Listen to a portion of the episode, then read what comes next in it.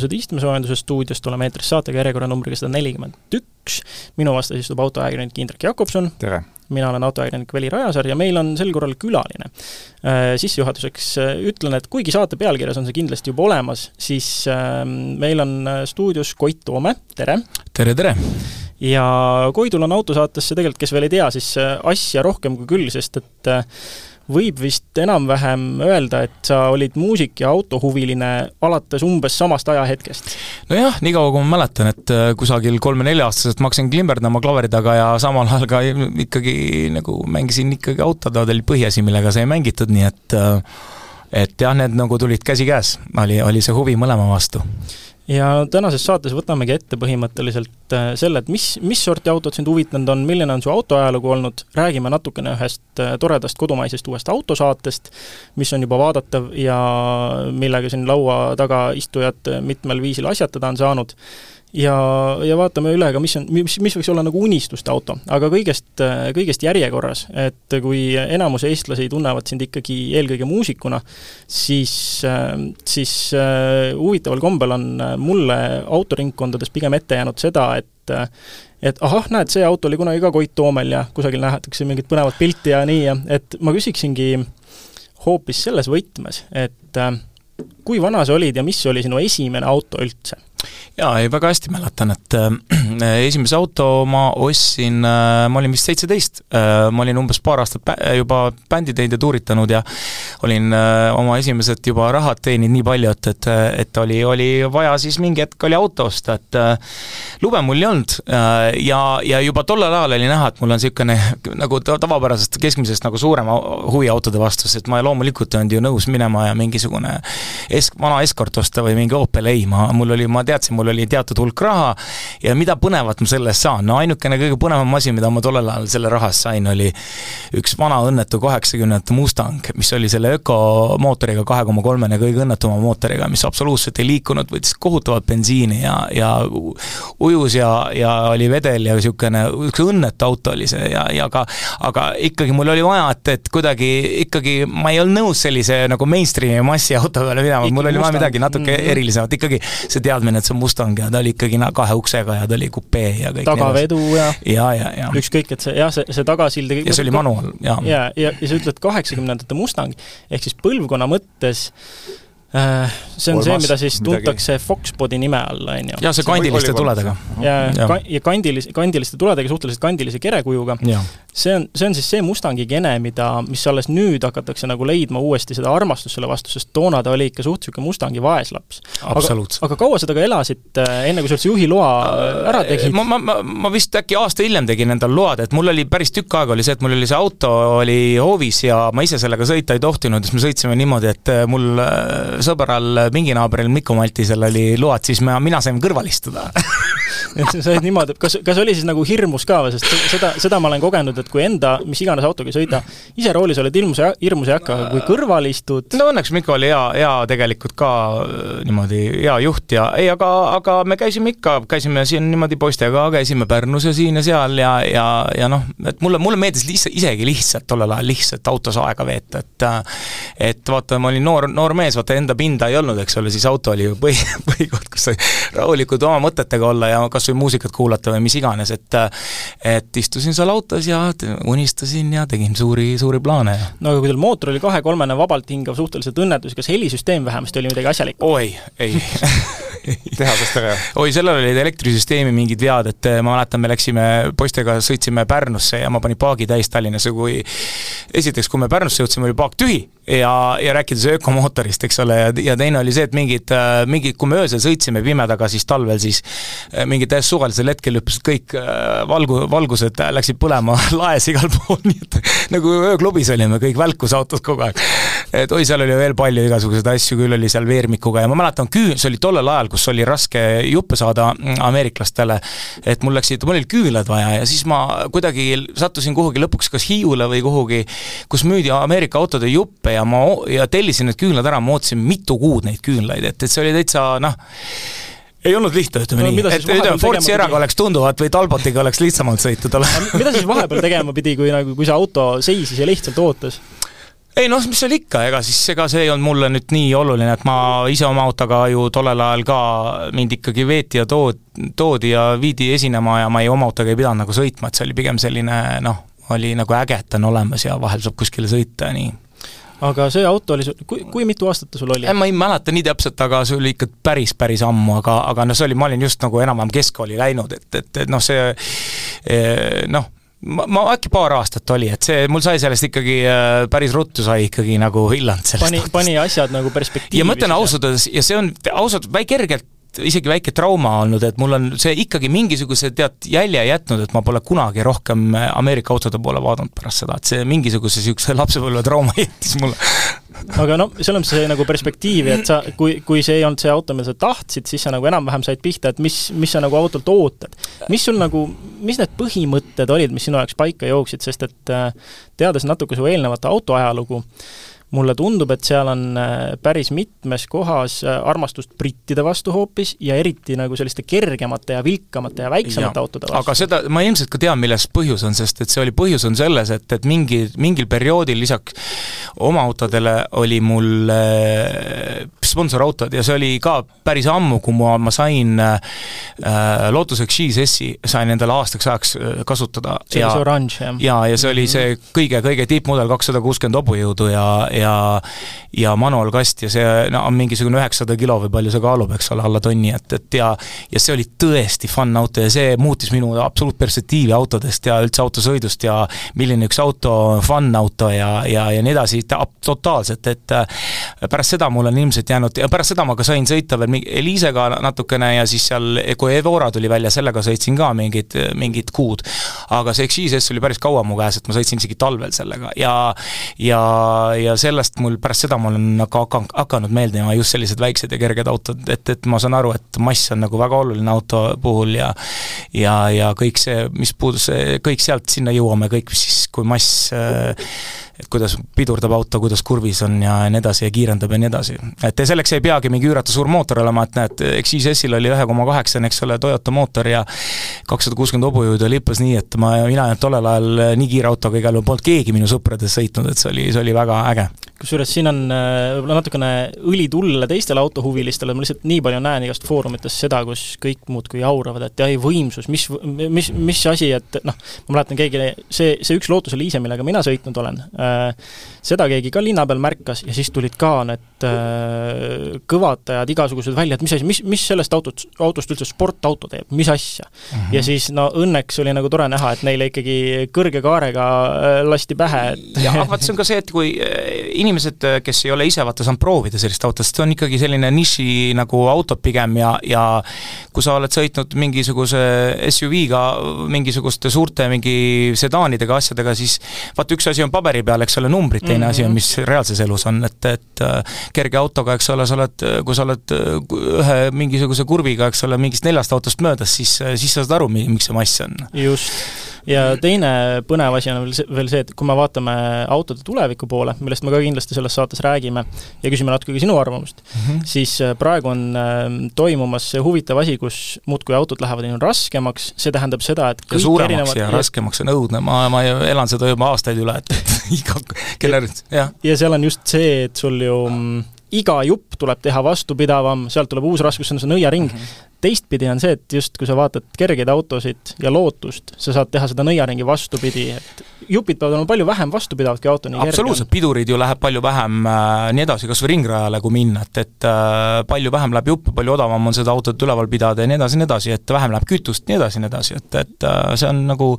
igatpidi, et äh, ma olen seda meelt jaa, et äh, ma, ma kusjuures ma olen täheldanud ikkagi viimaste aastatega ka,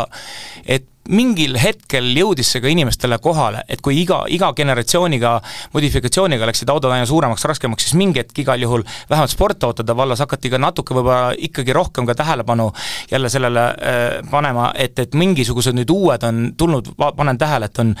viiskümmend kilo kergem uus mudel mm -hmm. või mhm. sada kilo kergem, et selle asja peale ikkagi mõeldakse või vähemalt üritatakse see kaal siis viia nii keskele ja nii alla kui võimalik, et just, mille puhul ma märkasin äh, Mazda MX-5 viimane põlvkond, kui see tuli mm, -hmm. siis see oli üks esimesi autosid, mille puhul ma märkasin, et vot, see oli nüüd kergem kui temast eelmine põlvkond mm, -hmm. enam ei toimu see nagu paksemaks minemine ja paisumine, on ju. Aga noh, kui me oleme nüüd selle paika saanud, noh, sul loksusid need autode asjad vaikselt paika, mis sulle meeldib ja nii, mis su praegune autovalik üldse on, et millega,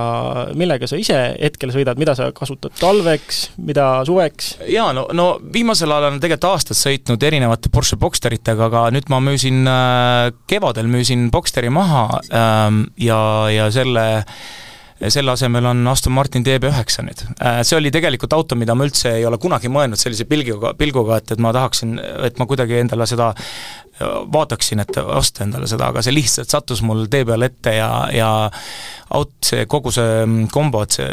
see auto oli vist mingi kaksteist tuhat midagi läbi sõitnud ainult ja noh, sellises noh, nii kihvt kombo ja nii heas seisukorras ja ta nägi nii kena välja, et see minu jaoks nagu ühe ilusama joonega klassikalisi autosid, et, et see on nagu selline klassika, mis ei lähe kunagi moest ja nii kui ma seda seal salongis teiste autode vahel nägin, ma lihtsalt, ma olin müüdud mees, ütleme nii, et mulle tõesti see disain väga meeldib. aga, ja, ja, ja e-, Evodega olen sõitnud, et mul on Evo kaheksa olnud, mille me Soomes kunagi ehitasime ümber seal mitte väga palju, et tegime väljalaske ja, ja aju seal, kus Soome rallikaid tehakse, ma ei mäleta, mis, mis see Dünode koht on seal pidevalt, isegi minu auto aeti vahepeal välja, et seal mingi Soome rallikaid seal Dünode, et, et seal, siis me tollel ajal võtsime sellest Evo kaheksast, see kõik oli stokk suhteliselt, nelisada hobujõudu tollel ajal. Ja see oli nagu, mäletan, seal veel vennad arutasid, et uskumatu, kus me oleme jõudnud, et täiesti tänava, mootori tänava autoga me saame täna nagu nelisada hobujõudu kaheliitrisest mootorist kätte, et mm, tehase, turbotehase jah, ja tehase, kõik turbotehase ja ja, ja, ja siis äh, sõitsin vahepeal natuke mingi igav, igavamate mingite A8-te diislitega ja asjadega ja siis ma sain aru, et ei, ma ei ole nii vana, et ma ikka diisel mingi äh, limusiiniga ringi vuran, et äh, mul hakkas lihtsalt nii igav ja siis ma müüsin maha ja ostsin endale uuesti Evo, siis ostsin Evo kümne endale ja noh, see läks muidugi täiesti lappama, see projekt, et seda sisuliselt ehitati mingi üheksa aastat ja, ja vahepeal sain sõita ja ja selle auto ma tõin veel muuseas Krakowi, ise Poola Krakowi Mitsubishi esindusest, et täitsa crazy sid asju on tehtud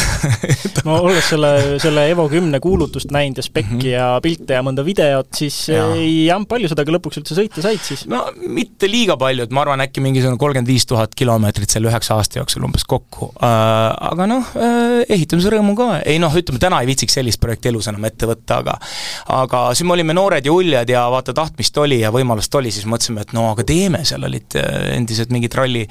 ralli äh, seal mehaanikud ja rallimeestega, kellega me seal garaažis neid Evosid seal vaatasime ja tegime, et, et et seal sai nagu kõik tehtud, mootori sisu ja, ja, ja õlitsi vedrustus ja, ja, ja laiad teised mingid volkiväljed ja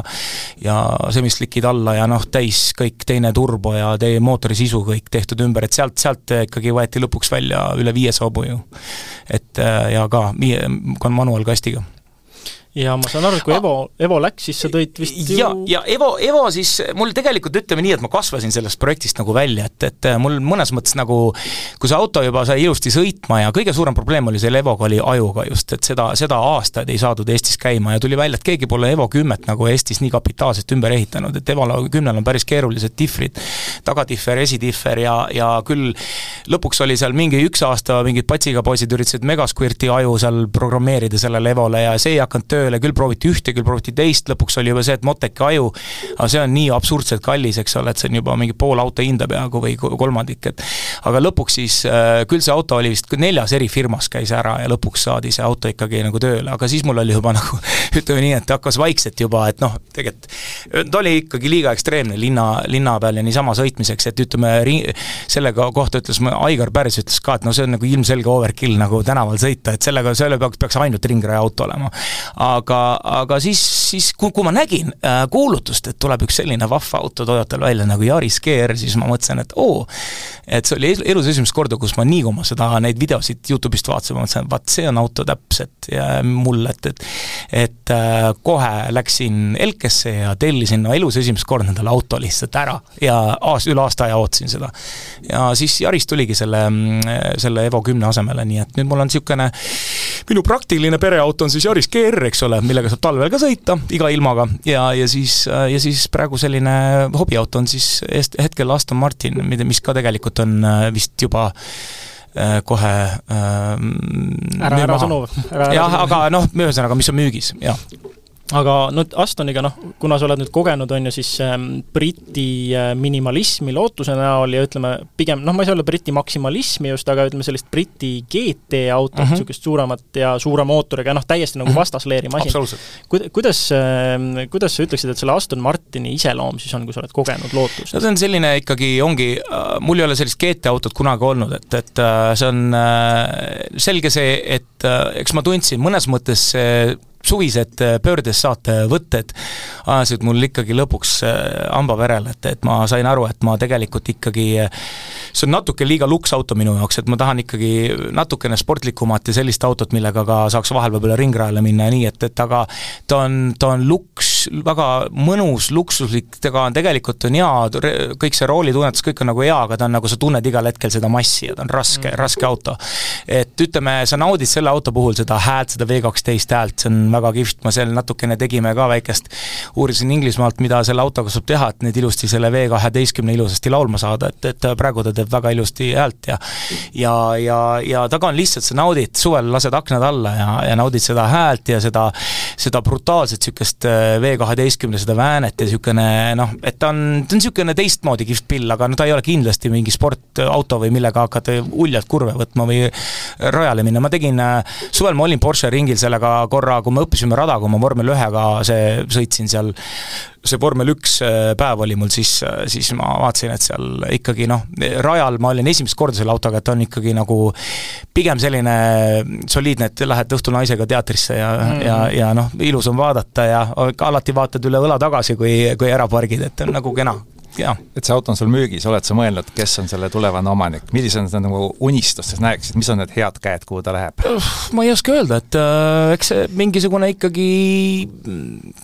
eks see mingi autohuviline peab olema, et äh,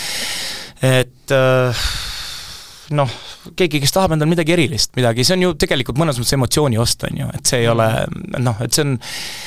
ma, ma noh, vaatan enda pealt, ma tean täpselt, kui ma läksin, mul ei olnud mingit plaani seda autot osta, ma läksin sinna lihtsalt vaatama seda ja kui ma seda nägin, ilus puhas läikis, kõik oli, vaistusin sisse, kõik on al-, Alcantara, mingi elepambus, kõik on nagu tead, istud, värske tead, nahalõhn on sees, nagu istuks nagu heasse Itaalia kinga, eks ju. et see on hoopis mingi nagu teine jälle experience, et et eks see mingisugune, need, kes on praegu vaatamas käinud, need on suured kõik autohuvilised, üks Soomest ja üks Eestist ja, ja, ja eks ta mõni selline fänn ikkagi peab olema, et, et keegi saab endale nagu heas korras äh, väikse läbisõiduga nagu DB9 ja no ma arvan, et see on ka niisugune auto ikkagi, mis on nagu klassika, et, et et need autohinnad on suht ära kukkunud ja kuhu nad ikka väga nagu kukuvad mm -hmm. enam, et et kui on auto heas korras, siis äh, jaa, nii ta on ja samas ta ei ole nagu niisugune, ütleme, entry level äh, väga nagu sportauto kohe ka, et see, see, see peab ikka olema natukene, noh, ma ei, ma ei saa öelda, et päris friigi auto, aga aga sa pead teadma nagu Briti autode kiikse selle juures ka, on ju. mis sul temaga huvitavamaid äh, elamusi oli, kas, kas, kas ta tegi sulle puhast britti ja läks mingi lootamatul hetkel vedas alt või, või oli mitte ühtegi probleemi mm. pole olnud selle autoga, et, et okay. ma olen sõitnud nüüd kevadest saadik sellega ja, ja mm Äh, vajuta nuppu ja läheb, et äh, ma tegin, ma tegin, ma tegin jah, ja ma pean tunnistama, kui ma Lotustega sõitsin, ei olnud ka mitte ühtegi probleemi, vähemalt nendel aastatel, kui mina sõitsin, nii et ma ei tea, kus need legendid on, no väidetavalt, eks ole, Alfa Romeode kohta on eluaeg legende räägitud, uued Alfad pidid töötama ka samamoodi väga hästi, aga ma on sul olnud mõni? mul ei ole ühtegi Alfa Romet olnud, ma olin, olen olnud, ai on, mis ma räägin, muidugi on olnud, sada viiskümmend kuus see sportvariant oli kunagi, jah. Okay.. on sul plaanis? Äh, ma olin, isegi vaatasin seda, mul see mm, Quadrofolio, Quadrofolio äh, Quadrifoglio kutsutakse ja. ka Quattroformaggio. ja, ja, ja et see, see, see mulle väga sümpatiseeris, et kui sedaani vaadata, siis see on muidugi üks kihvtimaid, ma arvan. Äh, see oleks nagu päris lahe, aga aga noh, nüüd on, nüüd said ikkagi valik tehtud ja, ja, ja nüüd mul tuleb ikkagi, lähen jälle tagasi tagasi back to the roots, et ikkagi rohkem sportlikuma jälle nii, aga, aga mis see järgmine sul on, kui sa äh, nüüd julged öelda, raatsid öelda, tohid öelda? jaa, no ähm, järgmine on ähm, vot eks need suvel, need pöördes saated, kui siin sai Carrera GT-ga sõidetud igast ägedate autodega ja Porschedega ja teiste asjadega, siis et ma olen tegelikult selle peale vaikselt aastaid mõelnud, et äh, noh, ma olen kõik nendest autosaated ära vaadanud ja, ja Youtube'ist ja inglaste ja, ja ameeriklaste ja austraallaste ja et ähm, ma olen ikka jõudsin sinnamaani, et mis on selline auto, millega rajale minna ja iga päev sõita ja, ja mis oleks võimalikult sportlik, siis ma lõpuks ikkagi teed viisid GT3-e juurde ja mis ja, põlvkonna GT3? üheksa, üheksa, üks. Äh, ja see, mis tuli alates kaks tuhat kolmteist, et see nüüd, millal on juba taga, tagaratta juba ta-, jaa, neljaratta roolimine. jah, jah, jah. ja neli liitrit mootor, on ju? kolme koma kaheksane. kolme koma kaheksa, okei. et neljane tuli paar aastat hiljem, et see on, äh, ma ei mäleta, kas oli, kus kuni, jah, minul on kaks tuhat neliteist tuleb, äh, kaks tuhat kolmteist tuli see välja. käsikast või PDK? PDK okay.. aga kusjuures ma ei teadnud, et GT, GT Porschedel on nagu täiesti teine PDK nagu äh, kui on tavalistel Porschedel mm.. et, et see on täitsa nagu ümber tehtud ja ta on, ma ei ole ise saanud veel proovida, aga aga nii palju, kui ma nüüd on, olen siin uurinud, et, et on tehtud teine programm ja midagi seal veel teistmoodi, et on kiirem, ta on nagu agressiivsem ja kuidagi nagu äkilisem. okei okay aga nüüd, kuna sa juba mainisid äh, seda saatet Pöördes ja et sa oled selle raames igaste asjadega sõitnud, noh, äh, Carrera GT muuhulgas mm, -hmm. Küsin selle huvitava küsimuse, et mis, mis on sinu jaoks kõige eredam proovisõiduelamus olnud su elu jooksul? no sellel suvel kahtlemata oligi need kaks, kaks kõige suur eredamat elamust oli kindlasti Carrera GT, et see oli esimest korda elus, kus mul olid reaalselt oli, olid pisarad olid silmas, kui ma sain selle seal lahti paar korda vajutada ja ja mul oli ka kananahk oli ihul, kui ma seda häält kuulsin, sest katust ei olnud ju peal ja, ja see kõik see, mis siin selja taga sul see V10, see hääl, Le Mani see mootor ja see noh, see on täiesti fantastiline ja, ja, ja manuaalkast ja noh, see oli, see oli mingi niisugune experience, mida ma pole sellist elamust lihtsalt autoroolis kunagi varem saanud. ja, ja no muidugi kõige ultimate, kõige, ma arvan, üks kihvtimaid, mis puudutab autosõitu, kõige kihvtim päev oli augusti lõpus, kui mul oli pöördes võtted viimane võttepäev siis, kuna ma võistsin seal võit-, võit-, võitsin seal ühe võistluse, siis ma sain äh, nagu auhinnaks siis selle mm, ter-, ühe päeva siis äh, Porsche ringil, kus siis äh, päädis igast vormelitega ja, ja teooriad ja asjad, et päädis siis Williamsi vormel ühega. et see oli, see oli ilmselt päev, mis mul ei lähe kunagi meelest ära, et see on mul niisugune väiksest poisist peale unistus olnud, et see oli fantastiline. Kas sa, kuidas sa seda kirjeldaksid? Ja noh, seal muidugi jällegi, et seda kirjeldada. äh, on see, et ähm, kas sa vajutasid pidurit ka tühjaks nii kõvasti, kui jaksad või kui... ei äh, okay., ei, ei, ei äh, nii kõvasti, kui jaksan ja kindlasti seal isegi kusjuures äh, ilmselt seal meil oli kümme, kümme inimest oli siis, kümme sõitjat, seal üheksa olid, kõik olid soomlased, mina olin mm -hmm. ainuke eestlane. ja, ja noh, Soome meeskond oli seal, äh, Soome firma korraldas seda asja, et äh, et äh, seal on vist, ma sain aru, teised nagu rääkisid, mina, minul oli ainult üks siht oli, tähendab, kõige, kõigepealt, et jumala eest ma mingi lollusega hakkama ei saa. see oli muidugi noh, kõige esimene asi äh, ja teine asi oli see, et, äh, et ähm, lihtsalt ähm, noh, proovida niimoodi progressiivselt, et see on, kuna see on nii teistmoodi uus kogemus, et, et äh, ma nägin, kuna ma olin tollel õhtul viimane sõitja, siis ma nägin terve päev, me sõitsime enne vormel Renault'dega mm, -hmm. enne oli hommikul kaheksa kolmkümmend hakkasid koolitused, teooriad, kuidas pidurdada vormeliga, kuidas kurvi võtta, mismoodi kõike, et mida mitte teha, mis on juhtunud nende vormelitega, mis võib juhtuda. sõitsime vormel Renault'ega, meil oli korraga vist neli vormelit rajal, siis oli uuesti, hakkasid koolitused, vormel ühe koolitused. Siis äh, näidati, kuidas neid vormeleid on ikka pooleks sõidetud ja, ja, ja mis nendega kõik juhtunud on, et et mul oli nagu selline esiteks res-, respekt ja aukartus selle aparaadi suhtes, et ja, ja teiseks ma nägin, kui palju need Soome tüübid neid seal minu, me läksime esimest korda, sõitsime rajale, siis minu ees kohe, mul oli selja taga oli üks soomlane, ma ütlesin, et mine mööda, nii kui ta must mööda pani, esimeses kurvis minu nina ees pani kohe pirueti selle vormeliga. Et ma sain aru, et see ei ole, see ei ole midagi noh, niisama, et see ei ole mingi nali, et, et, et isegi kui sa oled sõitnud mingite kiirete tänavaautodega või sportautodega, siis see on mingi täiesti teine asi, et see, et äh, proovisin kogu aeg äh, jälgida, mis instruktorid rääkisid, et äh, mitte mingit lollust teha ja, ja lihtsalt vaikselt nagu iga ringiga vaikselt progresseerusin, et proovisin siis nagu hoogu juurde ja lasta rohkem käike peeneks ja nii, et, et jah palju seda Williamsit seal ümber ehitatud oli, teades nendest vormeli kogemustest, et seal tavaliselt ikka seda mootorit äh, kas pannakse üldse mingi teine mootor või tuunitakse nagu teda kõvasti ja. allapoole, piirikut lastakse alla kõik? Äh, väidetavalt oli ainult ku-, viiskümmend hobujõudu vähem kui, kui nagu päris Williamsil. et, äh, et, et see, seal oli, see oli Nico Rosbergi see Williams, et teine Williams oli, oli katki, neil midagi oli häda, seal oli üks barr Honda oli ka, ma ei mäleta, kelle oma see oli, kas Pattoni või aga mul on, kuskil on need andmed olid ka, et, et äh, ma võin telefonist muidugi vaadata, aga seal, et, et ta oli ikkagi, no rooli peal hakkas kogu see, kogu see pöörete see äh, rida hakkab sul kümnest tuhandest, alles mm -hmm. hakkab tuli tööle alles mm, -hmm. et, et selles mõttes, et, et et jaa, et, et ja lõpuks äh, lihtsalt üks asi, mis mul tuleb meelde, et kui, kui ma proovisin lõpuks seal peasirge peal neid käike nagu lõpuni lasta, et siis see läheb, lõpp läheb nii kiireks, et kuigi sa näed silmanurgast seda, siis sa, ma lasin pidevalt piirajasse, sest ma mm, -hmm. ma ei, nagu ei taju ära seda, et millal järgmine käik sisse lükata, et see läheb nii, lõpp läheb nii ruttu. aga, aga no ma ütlen nii, et äh, so-, Soome instruktorid ütlesid ka, et äh, ma küsisin ka, ma küsisin, et kas siin on see traction control on ka peal, selle peal oli pikk vaikus, siis mehed niimoodi muigasid mulle ma sain aru, aa okei okay,, selge, okei okay. ei ole. et äh, külma rehviga, eks ole, peale minna, et äh, noh mm -hmm., et see oli lihtsalt, nii palju oli asju, mis võib valesti seal minna, on ju, et äh, et kuna meil oli saate tegemise käigus juba teiste autodega seal mingeid asju juhtunud, siis mul oli nagu jumala eest, et ma noh, ma, ma arvan, et ma nägin seal päeva jooksul umbes mingi viis-kuus piruetti ja ikka mitu korda mindi päästma platsile, kui mm. suri välja ja oli kuskil muru peal. et isegi juba nende Renault'dega, rääkimata Williamsist. okei okay., no ja seal on see, et ähm, nende tühikäik vormelitel on tavaline, no mis ta on, niisugune kuus-seitse tuhat, on ju, ja seal, mida ma olen, nii palju, kui ma olen kuulnud inimestelt, kes on seda kogemust ähm, kogenud, et kui on kõva pidurdamine ja unustatakse käigud alla lapata samal ajal, siis suretataksegi välja ja siis ei olegi seal midagi teha, noh mm.. et kas sul tuli seda ka ette või, või pääsesid uh, häbist uh,? mul selles mõttes, et äh, hea meel, ma olen neid videosid näinud ja issand, isegi kuidas Top Geari need äh, saatejuhid ei saanud sõitmisega hakkama, eks ole, siis ma, ma mõtlesin, et uh, et eh, noh, lihtsalt, et teha see asi puhtalt ära ja nautida nii palju seda protsessi kui võimalik, on ju, et, et eh, ma pean õnneks, et eh, et läbisin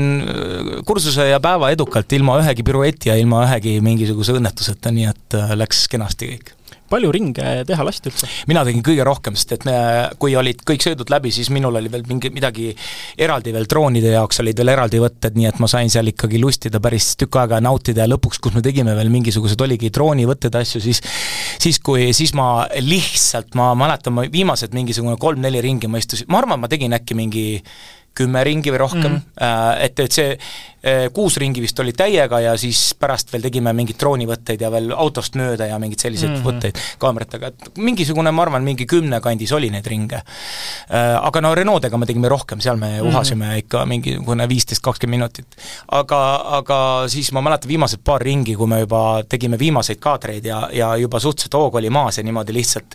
siis ma lihtsalt istusin ja sa näed seda pilti, sul on, et nina on üle selle ääre ja sa näed, see on tohutuid slikke seal ainult mm -hmm. ees ja rohkem mitte midagi, praktiliselt ei näe ja siis ja, ja siis ma lihtsalt istusin, üritasin nagu kõike salvestada ja meelde jätta seda tunnet, et, et ma lihtsalt nagu naudin igat seda sekundit veel seal, et, et ja seda tunnet, kui sa keerad seda ja ja seda ma tundsin ka esimest korda, see just, et et äh, see, kuidas aero, ma ei ole elu sees aerat tundnud auto mm., ühelgi autol, et, et see, et et sa nagu tunned, kuidas see auto, kuidagi tajud, et ta nagu surub seda vastu maad, et see on ka mhm. täiesti nagu teine tunne, eriti seal juba, kui sa juba need tagakurvid ja asjad, kus saab natuke hoogu rohkem üles, et kuigi see on ju vormeli jaoks ikkagi väga aeglane rada, aga mm -hmm. aga me seal mingi kolmanda käigu saime ikka täiesti peeneks lasta, et, et äh, noh, et ütleme, tegemist oli, see on tehniline, vormeli jaoks nii tehniline ja aeglane rada, et sa pead seal ikka kogu aeg möllama, noh. see on äh, päris niisugune irooniline jah, et kuidas meie jaoks Audru on suur rada, aga siis, kui see välismaa tüübid tulevad äh, aeg-ajalt, kes on kogenud igasuguseid radu, ütlevad jaa, jaa, see on selline aeglane tehniline rada tegelikult. jaa, jaa, muidugi, sest et noh, ei ole ju pea, suuri sirgeid ja ta on ikkagi noh, selline jah, et äh, kuule, vormeliradadel on mõni sirge on seal poolteist kilomeetrit yeah, on veida palju, eks ju. et äh, jah. aga kuidas see mm, pidurdus, noh, sest kuidas ta kehal üleüldiselt oli, nagu kas võttis kõva jõudu seal kurvides pidurdustel kiirendusel vastupidamine? tead, ilmselt no mul oli niikuinii, mul oli tegelikult õudselt ebamugav sõiduasend, sellepärast et kuna see oli väiksema kerega auto, siis või selle noh, see, selle, kuidas seda, sassiiga või? et, et, et siis oli, ma olen nii pikk, et ma olen olen meeter üheksakümmend kaks, siis äh, ma mäletan, ma omal ajal ühte vormel Estoniasse ma ma mahtusin niimoodi sisse, et iste võeti välja ja siis pandi mul mingisugune vahtkumm selja alla ja tõmmati mind lihtsalt rihmadega täiesti kinni, et, et et aga seal oli sama lugu, et ma, ega ma, mul lõpuks ma saingi sellega niimoodi sõita, et mul võeti iste välja, siis tehti mingisugune käepäraste vahenditega mul sinna mingi iste sisse, lihtsalt tõmmati tuimalt lihtsalt rihmadega nii kõvasti kinni, kui vähegi saab. et eh, ega ma ennast mugavalt seal ei tundnud ja ja noh, kokpitis oli nii vähe ruumi, et mul olid need nukid olid nagu praktiliselt noh, et ma sõitsin niimoodi, et mul olid küünanukid olid vastu keha ma juba, mul oli täitsa niisugune tunne, kui ma ma läksin rajale, et ma tulengi maha, et ma ei, ma ei saagi sellega autoga mm. sõita, siis ma mõtlesin, ei, et mõtlen midagi välja, kuidagi ikka alati saab, peab saama, siis ma mõtlesin mingi oma süsteemi jälle, kuidas ma võtsin küünanukkidel nüüd vastu keha ja siis ainult randmetega umbes roolisin ja niimoodi, küünanukkidest oli ka no millimeeter oli, oli, oli nagu sellene, et mul tõesti, no mul ei olnud mitte ühtegi millimeetrit vaba ruumi seal, et, et et no pärast ütlesid, et teine auto oli nagu suurem, et sinna ma oleks paremini mahtunud, aga, aga sai sõidetud, jah. et iga, igatahes, jah ja nüüd selle saate kohta lühidalt, noh, sa oled juba rääkinud nendest ägedatest elamustest, aga siin jah, need esimesed osad on äh, Elisa Huubis vaadatavad isegi täitsa, ma saan aru, kaks osa on väljas ja kaks osa on väljas tulemas. ja, ja nüüd vist ma saan aru, et iga nädal tuleb siis äh,, pannakse kaks uut osa, nii et äh,, et jah, et kokku tuleb kuus osa. mis sul siiamaani tagasiside sellele saatele olnud on, te olete ju Saara Pius, sina, Indrek Raadik olete saatejuhid, teete selliseid, ütleme, top-gear'ilikke hulluseid, mis sa kuulnud oled? ega ma väga palju ei ole, mõned just mingisuguseid sõnumeid mulle on siin saadetud, et et on positiivselt, ollakse üllatunud, et, et aga, aga ega ma väga palju meil alles ju nädalavahetusel oli, oli see esitlus ja, ja alles mõned päevad on see asi üleval, et ega ma ei ole nagu nii palju suhelnud, et siin on päris nagu aastakiire on peale hakanud ja ega siin pole ühtegi väga hetke väga palju üleliia vaba aega olnud, et aga aga meil produtsent Kermes ikka saadab aeg-ajalt mingeid toredaid äh, mingisuguseid äh, sõnumeid, kes on kuhugi postitanud või kuskil kommenteerinud, et, et et ollakse pigem positiivselt üllatunud sa nüüd rääkisid pikalt nagu sellest, kuidas sa ennast äh, võidusõiduauto roolist tunned, aga kirjelda ennast nüüd tavaliiklejana, et see, kuidas sa siia sõitsid, äh, kuidas sind äh, teised inimesed näevad autoroolis? ma olen täiesti tavaliselt keskmine, ma arvan, sul on suhteliselt keskmine selline tava liikluses sõitja, et, et mulle ei meeldi venida, aga kindlasti ma liikluses lollusi ei tee ja üldiselt ma, mind ennast ajab nagu ajavad mingid asjad noh, niimoodi äh, närvi, kui ütleme noh, niisugused elementaarsem viisakus liikluses puudub, et äh, ei näidata suunda või pressitakse kuskilt mööda valet poolt või noh, mingid niisugused tobedusi, mis, mis tegelikult mitte kuhugi ei vii ja mil-, miks nagu, et see on nagu elementaarne viisakus võiks inimeste vahel olla, et, et niisugune, et teate, ja eriti võib-olla ka see, et ma mäletan esimesed korrad, kui ma, ja korra veel tulen tagasi eh, radade juurde, et kui hakkas, kui ma hakkasin käima radadel eh,, on see kardirada või kuskil, siis ma mäletan, kui ma esimene kord, esimesed korrad sain seal mingit, sõitsin kartidega ja Estonia vormeliga ja siis ma pärast sõitsin eh, nagu tead, vana pensionär oma tänavaautoga, sest et ma saan aru, et sellega ei ole mõtet ja ei ole niikuinii kuhugi kiiremini väga ei jõua, et selles mõttes, et eh, see niikuinii on noh, tänapäeval on kõik võimalused olemas, kui sa tahad ennast välja elada, veri vemmeldab, siis äh, mine sõida karti, mine, mine, mine mõnele open track'ile või rajale ja aga, aga muidugi see ajab mind ka marru, kui ikkagi kuskil oma selle politsei äh, automaadi juures pidurdatakse näiteks seitsmekümne peale äkki või, või, või, või noh, niisugused, et mulle, mul, mul, mulle, mulle meeldib nagu liikuda nagu nobedalt või nagu, aga, aga mitte lollusi teha. aga need moodsad autod, äh, juhiabisid, igasugust elektroonikat oi, see on õudne, see on täiesti õudne. kas sa kasutad neid üldse? ei, mitte ühtegi. lülitad välja kohe? absoluutselt, see on, see on üks õudne asi, me tegime, tegime suvelt seda jälle pöördesaadet ja siis mul oli see Škoda Enyaq või oli niisugune elektriauto, jah ja, ja., mis äh, tegi kõike ise, noh. et ma, mul oli, ja meil oli võttepäev seitseteist tundi, ma olin seal ENIAC-i roolis ja ma lihtsalt, ma pole vist elu sees nii palju haigutanud kui tollel päeval. ma arvan, kui nad monteeriks selle kokku, ma saaks mingi, ma arvan, mingisugune seitsekümmend haigutust seal autoroolis. et see ise pidurdas ju asulates kõik maha, siis pani gaasi juurde, siis jälgis neid märke, siis ise pani gaasi, kõik, ühesõnaga ma ei, mitte midagi ei pidanud ja häält ei ole, mitte midagi, oled lihtsalt, istud seal nüridalt nagu tundide viisi viisi mitte midagi seal autoroolis teha ei, ei, ei, ei ole. no emotsioon on null täiesti. ja, ja, ja siis ma, ma olin noh, see on, see mu kõige igavam äh, päev autoroolis, et, et äh, selles mõttes, et äh, näiteks mul on endal nüüd see Yaris GR, et sellega on tänapäeva auto, noh, et selleks, et ma sõitma saan hakata, siis ma pean selleks mingisugune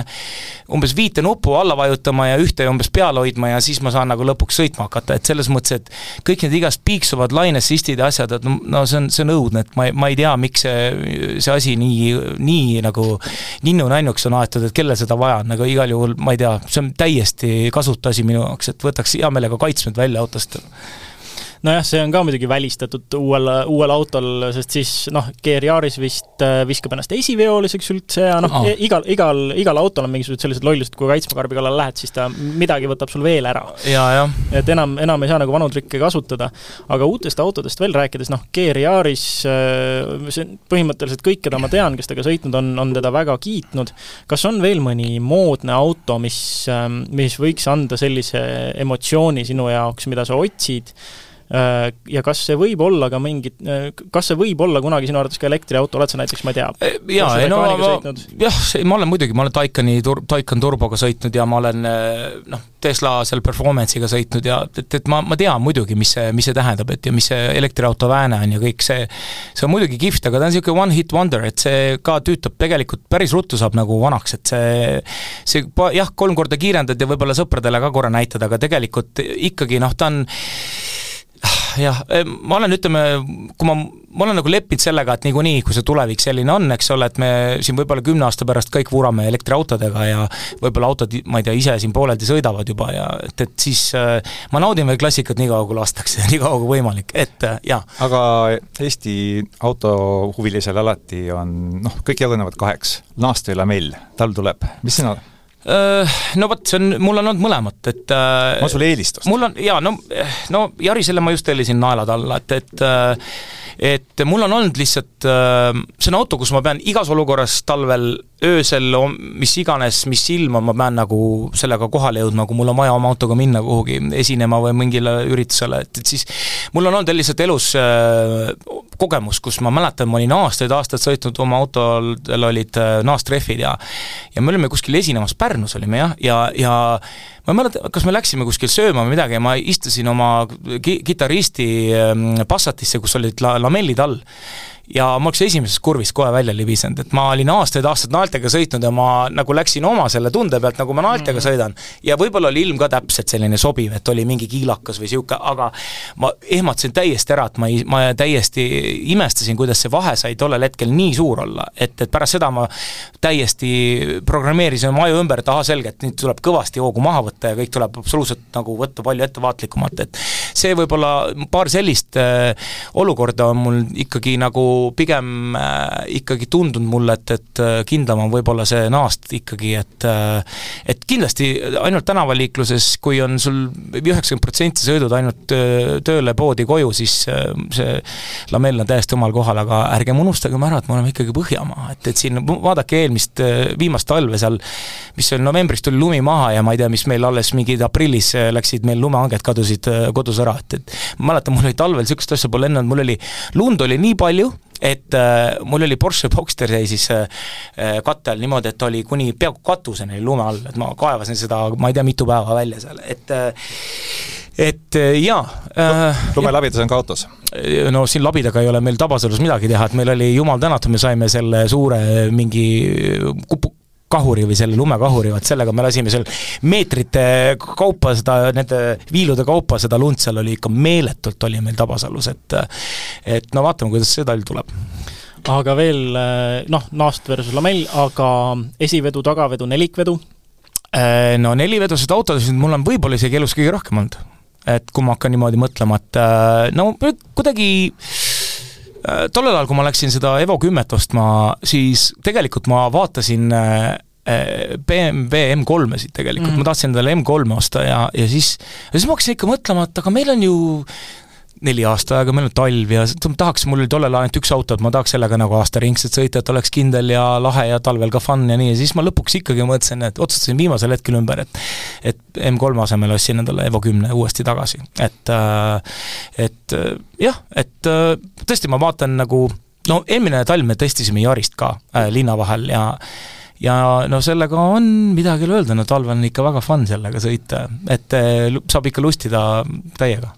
oled sa nüüd pärast, äh, pärast kunagi veel talvel M3-ga ka võrdluses uuesti sõita saanud või mõne niisuguse võimsa tagaveolusega? ma mäletan, mul on jälle mingid pildid oma elust, et kuidas mul olid siin sõbrad on äh, nende B, tagaveoluste BMW-dega talvel nii hädas olnud, ma olen neid aidanud välja ja lükanud ja oleme seal punnitanud lumehangedest välja ja küll nad on kinni ja küll on teine asi, et siis ma mõtlesin, et ei, et äh, tead, ma nii kaua, mina olen sõitnud noh, enamuse oma elust neliveolistega ja mul ei ole mitte ühtegi kunagi ühtegi probleemi, ma pole kunagi kuhugi kinni jäänud, ma pole, sellist probleeme, selliseid ei eksisteeri. et, et selles mõttes, et jah, tagapealne auto on tore siis, kui on, ma leian, et kui sul oleks mitu autot võib-olla, sellega võiks mm. pigem nagu suvel sõita või mingil soojal ajal. aga mootori paigutus ees, taga, keskel? no jällegi kogemus on kõigega et ah, ei ole, tagaveolisega või selle nüüd, nüüd tuleb, äh, tuleb jah, et mhm. täitsa tagamootor jah, et sellisega mul ei ole tõesti kogemust, ma ei ole kunagi isegi s... ei ole muidugi, saadet tegime ka, siis ma sõitsin selle üheksa üks üks turboga. aga noh, see oli ikkagi väike põgus kokku, mul endal mm. ei ole mhm. kunagi olnud. aga no äh, mu, ma ei oska öelda, no esi-, jah, no kesk, ikkagi romantiline on ju see kesk, keskmootor võiks olla nagu see romantiline tee siis, et yeah., et, et noh aga nüüd vaadates äh, tulevikku ja just äh, särtsu elektriplaane, siis äh, näiteks rääkides Porschest, neil on ju plaanis säärane asi, et Boxster ja Cayman tulevad küll elektrilisena, aga nad proovivad sellist huvitavat lahendust, et noh, kuhu muidu elektriautodel pannakse akud, on ju, sul on põrand, sul on selline elektriauto rula, sul on mm -hmm. akurula. Aga Porsche proovib seda, et nad panevad akupaki juhi selja taha, sinna, kus muidu on mootor, on ja sellest ma, ma kuulsin jah ka seda, et, et siis nagu jah, teha just nagu oleks taga keskmootoriga, aga elektriauto, on ju. et no, kas, kas see on midagi, mida sa nagu võiksid tulevikus mõelda, kui see meile jõuab? tead, ma olen selles mõttes, et äh, leppinud, et äh, jah, et ma, kas või selle Taikaniga tegelikult oli ju täitsa tore sõita, et äh, natuke mind teeb murelikuks see, et uued kõik Caymanid ja, ja Boxsterid ja kõik tulevad elektrikad, aga aga noh, eks elu läheb edasi ja, ja küll nad, äh, mõeldakse ka see, et, et see, see elektriauto sulle ka nagu piisavalt emotsiooni annab, et, et äh, ma arvan, et äh, miks mitte tulevikus, et minu jaoks on pigem nagu elektriautode puhul on seni veel ikkagi see probleem, et see range on kõige, kõige põhilisem. Mm.. minul kui sellisel vabakutselisel, kellel on vaja mõni päev sõita kaheksasada kilomeetrit, mõni päev viissada kilomeetrit, et et mul on tuttav ostis endale Taikani väga suu-, kalli raha eest ja ja ta ei saa Tartus isegi ära käia ja tagasi, nii et ta ei pea kusagil laadima ja muretsema selle pärast, et, et see on ikkagi nagu minu jaoks täitsa välistatud, et äh, minu jaoks niisugune, ma kujutan ette, äh, noh, see, millest, millega ma juba lepiksin, oleks niisugune viissada kilomeetrit range'i kindlasti igas olukorras, siis ma tean, et ma saan vähemalt Eestis oma, oma sõidud, et ma ei pea hakkama tõesti mingi kogu aeg stressis olema ja vabistama mm -hmm. ja mhm. mõtlema, et kas ma jõuan kohale ja mis, kus ma laadida saan ja aga unistame nüüd edasi, et äh, või vaatame õigupoolest tulevikku, et hea küll, kõik need juhiabid sa lülitad välja, mis sa arvad, kas kas meie näeme kunagi sellist pilti, kus nagu üldse juht kaob eest ära, et noh, see, millest on kogu aeg räägitud, aga mis nagu kuidagi ei taha läheneda jõuda? Ma arvan, et ma, ma arvan ikka jah, küsimus on millal, et, et võib-olla isegi me, meie, meil on ju siin veel ikkagi aastakümned minna, et siin võib-olla me ikka näeme päris huvitavaid asju oma silmaga ära, et, et äh, aga sa arvad, et aastakümneid läheb ikka? no ma, et selleks, et täiesti jah, just välja äh,. jah, et no ma arvan, et see ei ole aastate küsimus kindlasti, ma ei usu. et see, seal on, see on nii palju kõik ma, ma millegipärast tundub, et see päris nii, nii lõbus ei ole mm, -hmm. et, et, et noh, kas või praegu me oleme jõudnud sinna, et, et sisuliselt autoroolis ei pea muud tegema, kui ainult ühe näpuga roolist kinni hoidma, noh. aga, aga, aga see, et täiesti seal juba tuleb kõik see noh, kõik see juriidika ja kõik see, kuidas, mis asja, mis siis juhtub, kui see, selline olukord on, kõik ei sõida ju autod ise, osad sõidavad, inimesed teevad vigu, inimesed teevad lollusi, kõik äh, jalutab sul keegi ema käru, käruga ette, on no mis iganes, et see on, see on nii keeruline, et ma ei kujuta ette, kuidas seda kõike, selleks peaks olema kogu liiklus, kõik autod omavahel mingis ühes võrgus, kõik omavahel suhtlema, nägema üksteist, no mina kujutan ette võhikuna, et, et see ei ole päris nii, nii lihtne mm, -hmm. et, mhm. et äh, jah. noh, onu Elon suurelt siin lubab järjest muudkui, aga jah, nagu näha, siis see ikka aina, aina aastate taha nihkub, see, see reaalsus aga noh, vähemalt nagu katsetatakse. mul on, ma selle koha pealt ka jah, ühinen, et ma, ma arvan, et kümme aastat vähemalt me midagi sarnast ei kümme näe. kümme aastat aga, oli see väga tagasi. mulle, mulle siis tekib küsimus, et aga mis siis meile jääb nagu ütleme, sõitjatele, kes naudivad nagu autosõitu, mitte midagi, tühjad pihud, hakkame simulaatoris sõitma autodega. ja miks mitte, eks ole, noh, siin on see, äh, sa tõenäoliselt oled ka kuulnud äh, mõned autotootjad katsetavad ju vesinikpõlemismootoreid, on ju. seesama Gear Yaris näiteks, selle mootor on pandud vesinikul, vesinikku põletama ja siis nagu on lootust, et see võib-olla kunagi on entusiasti auto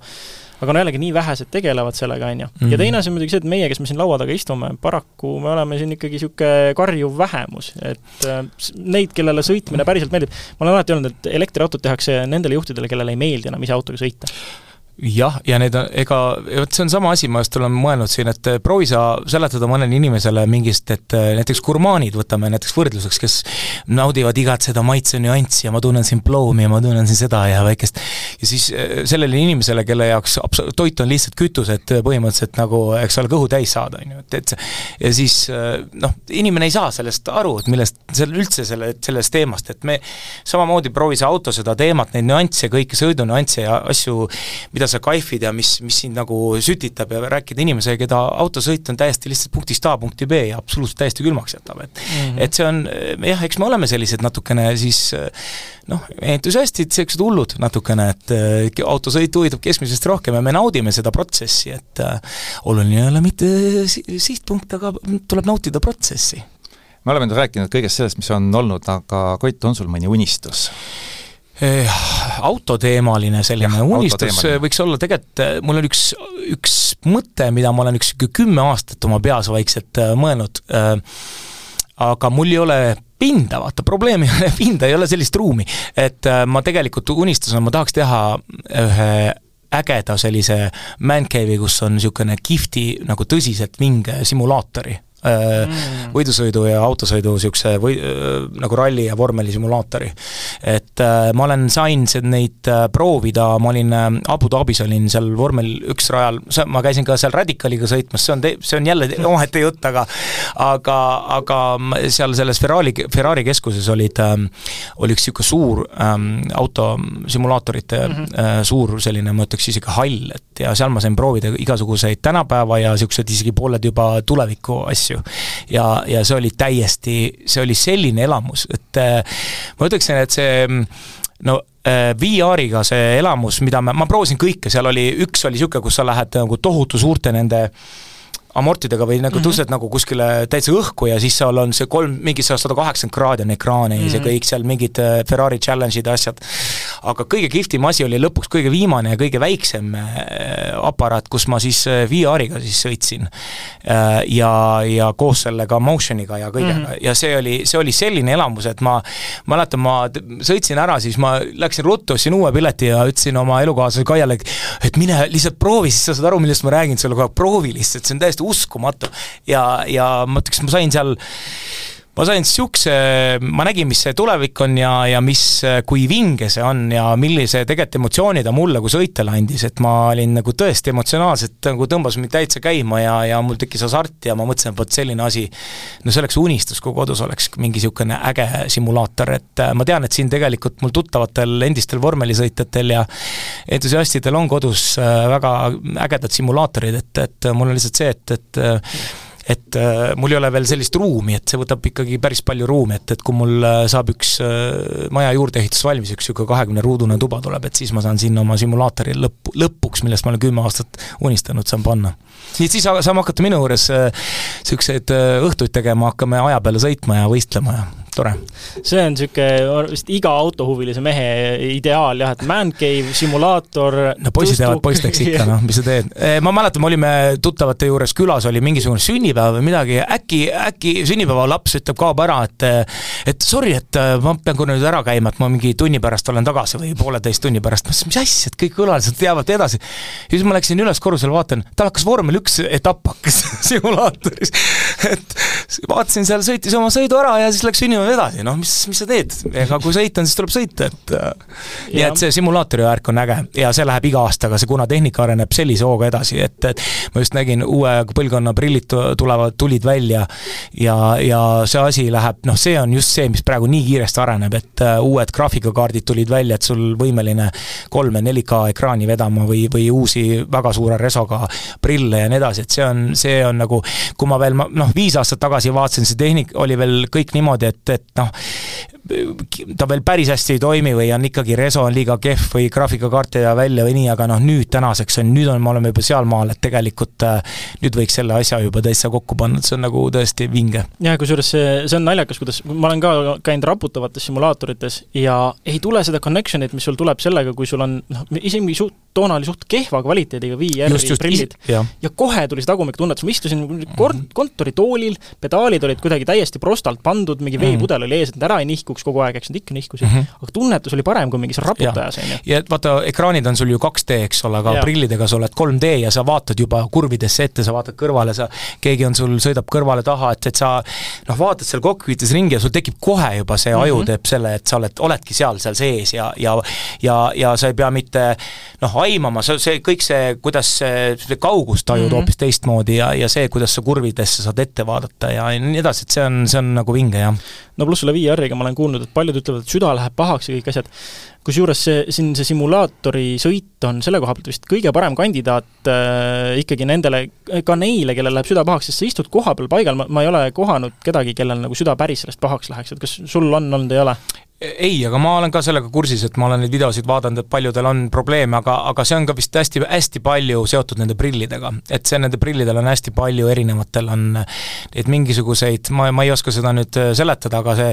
kuidas ta kuidagi see mm, moonutab seda pilti ja nii, et mm -hmm. ta peab olema, esiteks sul peab olema frame rate peab olema nii suur, et sul peab olema see mingi miinimum äh, seitseteist kaadrit, näit-, seitsekümmend kaadrit mm -hmm. või see, et, et või, või kuni üheksakümmend või noh, nii, et sa, sul ei hakka seal midagi jõnksutama mm -hmm. Või mm -hmm. nii. ja, ja teiseks, et äh, prill peab olema selline, et sul ei teki neid mingisuguseid moonutusi, et siis mm -hmm. nagu ka võib hakata, et sul see nii-öelda see, mida sa näed ja kõik see ei lähe nagu noh, kokku. et, äh, et äh, just nende uute prillidega ja uute graafikakaardiga oligi see, et, et nad saavad nagu selle miinimum frame rate'i nii suureks panna, et sul tegelikult kõik see liigub nii sujuvalt, et sul ei teki, et mingisugused niisugused anomaaliad seal nii pildi kui selle frame rate'i suhtes, et ja, ja prill peab olema väga hea muidugi et ühesõnaga, saate lõppkokkuvõtteks siis äh, just äh, tulihingelistele autoentusiastidele, et kui ei meeldi nii väga autode tulevik,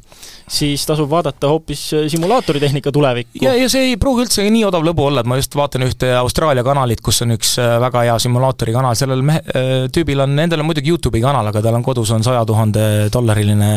riig, et, et noh, et see, see võib olla pahatihti kallim kui auto jah, mõni mees võtab, ostab GT3 Porsche endale ja mõni mees ehitab selle eest endale riigi, on ju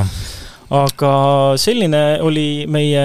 ütleme siis, persoonisaade, käisime läbi Koit Toome autoajaloo ja huvid ja, ja eredamad sõidud et.... saime põgusalt pinda sondeeritud, et ka kahjuks ei, enamusest ei jõudnud rääkida, aga materjaliks nagu väga kõvasti veel ka edasi. eks, eks vaatame tuleviku poole, võib-olla, võib-olla kunagi võtame jutujärje sabast kinni uuesti. aga seniks suur tänu, et tulid, rääkisid, end avasid, oli ja. tore vestlus. oli tore, aitäh! Kuulmiseni!